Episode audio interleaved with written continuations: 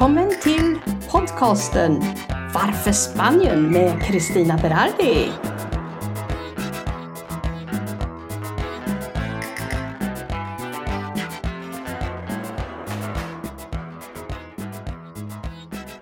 Hej kära vänner!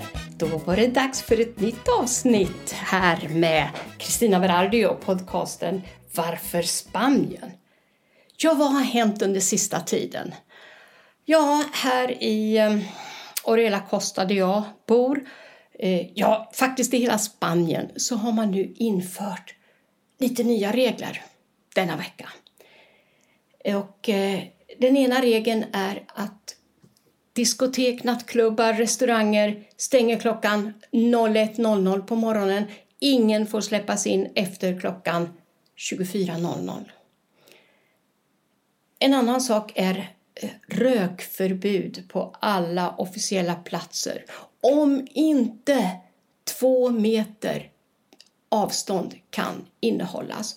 Och då kan jag ju säga, vad gäller allt annat när man är ute och så, så är det en och en halv meter. Så nu är det två meter. Och då tänker jag som icke-rökare naturligtvis på, ja men om jag sitter på en restaurang och äter en middag så sitter en två meter ifrån och vinden kommer till mig och jag får röken på mig när jag äter då blir ju inte jag glad.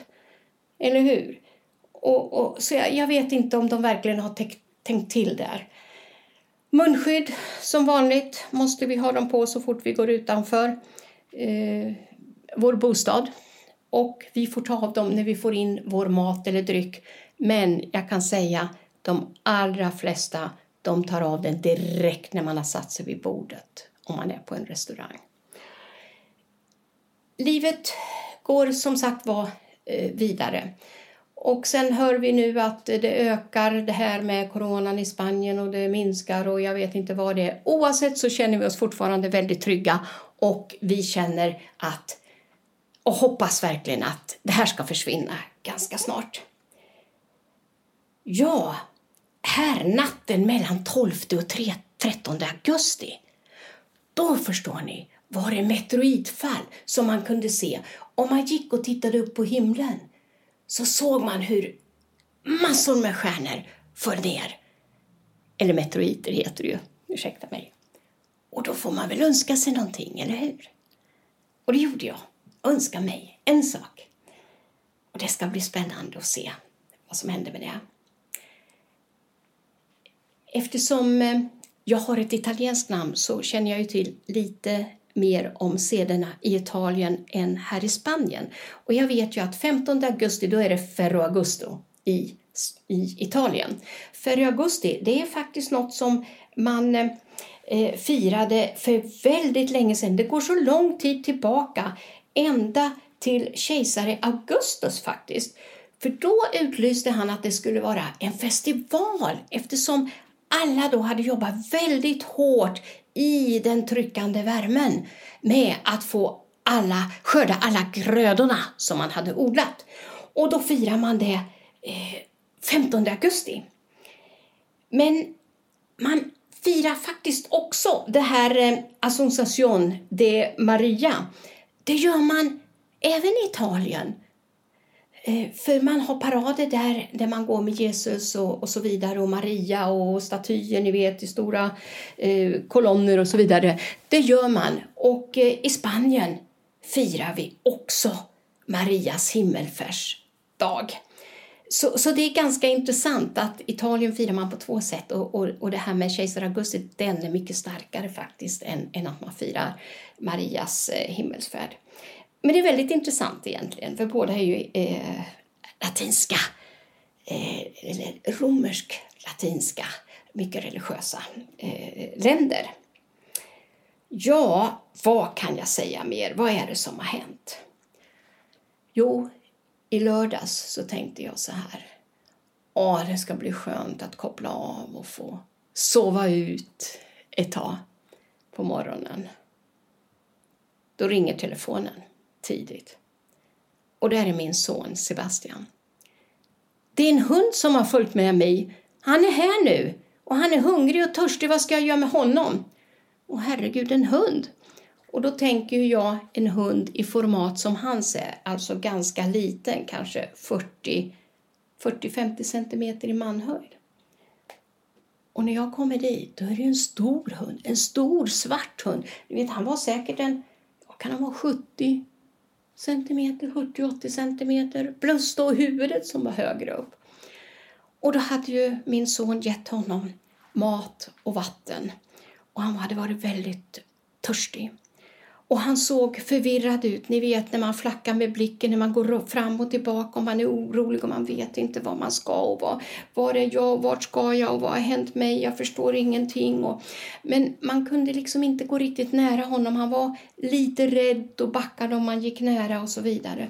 Så att jag tänkte, vad ska vi göra? Man, man ska ju, man ska ju kanske först ringa polisen, eller hur? Och jag, jag blev så chockad av den här stora hunden och, och jag ringde inte polisen först långt senare. Och det fick jag dåligt samvete med. Och jag kan tala om att när jag åkte hem sen, för då hade vi faktiskt släppt ut hunden, han drev omkring där utanför där min son bor, så skrev min son Hur kunde du göra så? Vilket hårt hjärta du har. Tänk om det var en människa eller ett barn, säger han. Och då fick jag ju ännu sämre eh, sån här samvete, förstår ni. Så det man ska göra, försök ha hunden där ni är. Ring polisen som heter Sipora är, som kommer att ta hand om hundarna.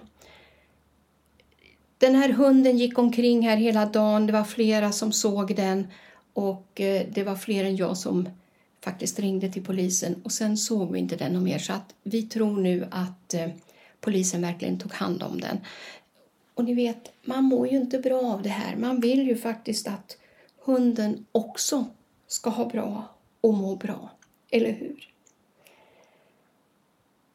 Ja, det jag kan säga sen sist, jag pratar ju väldigt mycket om hur det är att gå till banken och jag har pratat om hur det går till havet, restauranger och barer och så vidare. Jag tror eh, under den här tiden så när vi har haft den här estado de alarma, det vill säga när vi blev totalt nedstängda, så har jag faktiskt gjort så att jag har gått runt kvarteret varje kväll. Och eh, det här var ju då från mitten av mars och ända fram till slutet av maj.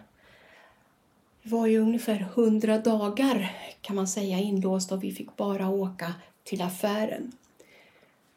Och då upptäckte vi att några av våra portar in till urbanisationen de var upplåsta. Ni vet när kolven när den går ut så man inte kan stänga den. Så vi var ute på de här rundorna, gick runt omkring låste upp den här kolven, låste dörren så det funkade. En timme senare när vi kom ut var det samma sak. Och så här kunde vi hålla på i över en vecka, jag tror det var tio dagar. Och då har jag en granne som var ute lite senare än jag på natten, så han var ute vid två. Och, så jag gick mellan 10, 11, 12 och 1 och sen tog han över. Och då var det alltid upplåst. Så det var någon som har nycklar hit in. Och vi vet inte vad de ville för allting här inne var ju stängt och låst. Men så hörde jag av en annan granne som bor en bit härifrån att polisen hade tagit några killar. De hade rammat en bil och tagit dem. Dagen efter kom de och hämtade bilen. Och sen den dagen så hände inte det här med, med våra portlås något mer. Så förmodligen så eh, hittade polisen de som hade kanske försökt ta sig in i vår urbanisation. Sen har det varit lugnt. Ända till förra helgen. Då är det en av våra grannar som faktiskt hyr en lägenhet här på några dagar. Och de tyckte det var så varmt så de lämnade balkongdörren helt öppen. Och då var det två stycken som sov precis i det vardagsrummet som man kommer in i. Och så var det andra som sov i sovrummet. Och när de vaknar på morgonen så säger en tjej så här. Men var är min väska? Den ligger ju slängd på golvet. Vem har slängt min väska på golvet? Den hängde ju jag ju här. Då visade det sig att de var en kille, en ung kille. Han hade gått in, att jag vet en ung kille kommer jag tillbaka till. hade gått in, tagit väskan, öppnat portmonnän, brydde sig inte om telefonen, ville bara ha pengar. Tog pengarna, slängde väskan på golvet och stack ut. Och de låg och sov i samma rum och hörde ingenting. Det här var runt fyra tiden på morgonen. I urbanisationen bredvid oss hände samma sak hos två stycken och där var det en av ägarna som vaknade till och såg den här unge killen med eh, ansiktsmask och en sån här eh, mössa ni vet som gick ner över ögonen. Och eh, han liksom vaknade till och han inte riktigt med så han hann inte på den här killen. Men han tog pengar. De tog ungefär 50 euro från de här två i, i grannurbanisationen. Och nu är det så här fiffigt, förstår ni. När man ringer till polisen då kommer de och frågar och tittar på vad, eh, vad som har hänt och hur det ser ut och så vidare. Men den här natten hade det hänt jättemånga sådana här rån så de hann inte med alla, men de kom hit. Och jag har ju en väldigt bra relation till de här kriminalarna. Så jag visste ju, de kommer ju till mig eller kommer till vår urbanisation och ska titta på våra kameror. Och jag täckte, i och med att jag fick så mycket information från urbanisationen bredvid, hur, att det var en kille och hur han såg ut och, och var klädd och så här, så skrev jag det till, till dem för att vi har ju Whatsapp-kommunikation. Eh, och eh, så kom de ju hit. Och så tittar de ju. Och det är ju jättebra, då vet man ju ungefär vilken tid det var, hur han såg ut och så vidare. Så de fångar ju honom på bilden. Och det var ju ganska bra, för det är förmodligen samma som har sprungit omkring här. Så jag har varnat andra urbanisationer här omkring att vara försiktiga, varna alla, se till att stänga alla dörrar, balkongdörrar och vad det nu är, för de går rakt in bara och de är ute efter pengar. Natten efter, så, eller morgonen därpå, måndag morgon, då säger min son så här. Hans hund förde ett otroligt oväsen. Han skällde jättemycket mot dörren klockan halv tre natten till måndag morgon. Och jag frågade honom, hörde du någon, vet du om någon tog i handtaget? Nej, nej, det vet han inte, för han låg och sov. Men hunden, hunden var vaken och kände direkt, här är en inkräktare och du ska banne mig inte komma in här. Så han skällde och gick på som bara den och då vaknade ju Sebastian också. Och ingenting hände. Så det är viktigt att man låser dörrar. Är det varmt och man inte klarar av att ha luftkonditionering då får man ha en fläkt i taket eller också får man bara lära sig att sova i värmen. För det är någonting som jag också har lärt mig. Jag har inga problem att sova djupt och en hel natt, även fast det är 29 grader i rummet. För jag klarar inte luftkonditionering. Jag har luftkonditionering i alla mina rum, men jag klarar inte det och jag sover lika bra utan. Däremot har jag faktiskt i sovrummet en takfläkt och då snurrar den ljudlöst omkring och då sveper den för fräsch luft känns det när man ligger och sover. För man har ju inget täcke, man har ju inget, ja knappt inget lakan på sig när det är så här varmt. Och då känns det faktiskt riktigt, riktigt skönt. om man kan slappna av och sova. Och det här är nog en vana. För jag kommer ihåg när jag bodde i Sverige, då sa jag alltid så här, om jag ska sova och sova bra och skönt en natt och känna mig utvilad på morgonen när jag vaknar, då ska jag ha 17 grader i rummet och så kan jag ha ett varmt täcke. Men det har jag faktiskt ändrat på nu. Det låter inte klokt. Och ni vet, om man har luftkonditionering hemma eller om man har det i bilen så säger de att man ska inte ha så stor skillnad på temperaturen utomhus och i bilen och hemmet för då kan man lätt bli förkyld. Temperaturerna, jag tjatar om dem varje gång, men då är, de är ungefär 29-30 grader 9, halv 10 på morgonen. och sen ökar det bara.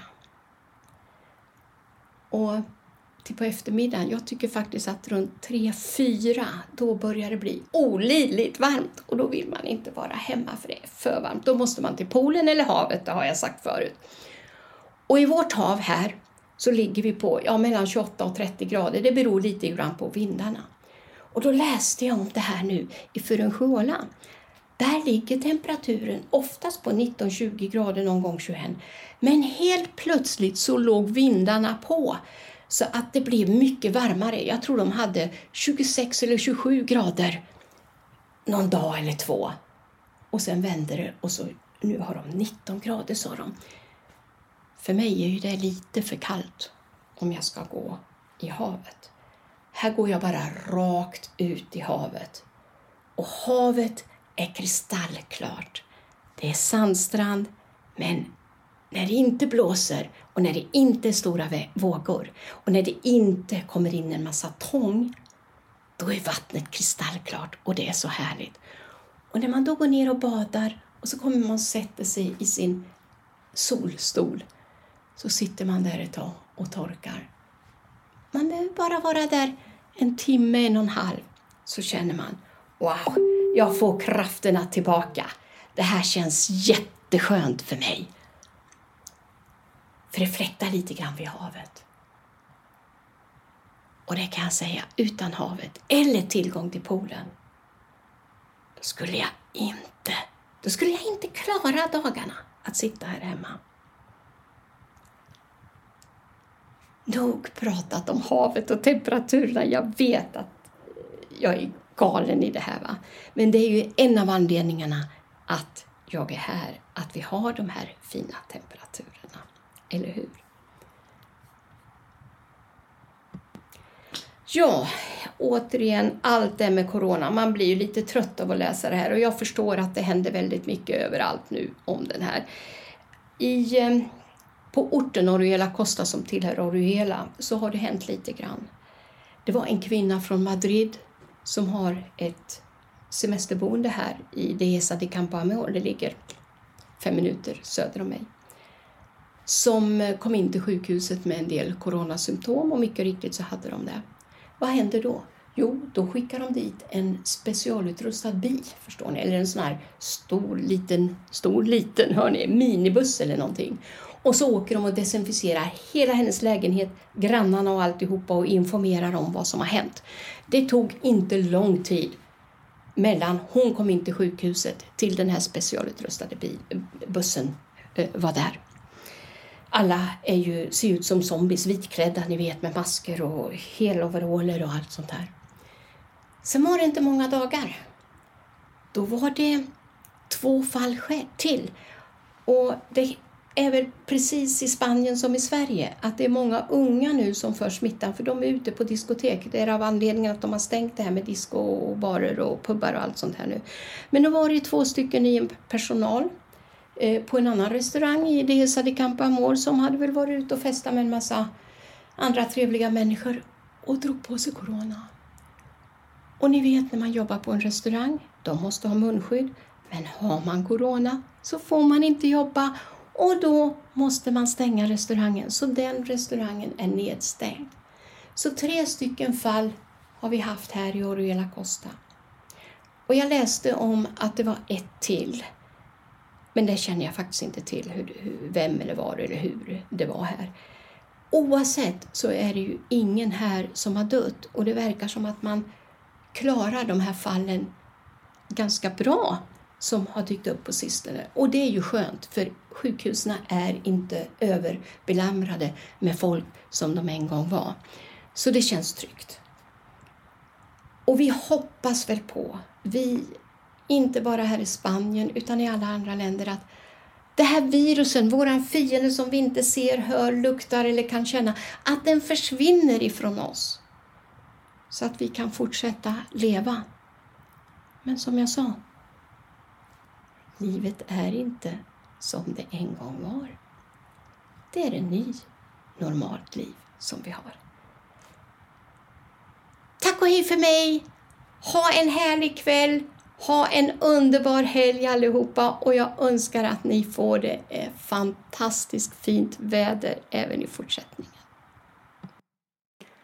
Och då får jag tacka för mig den här gången och hoppas på att vi hörs snart igen, kära lyssnare.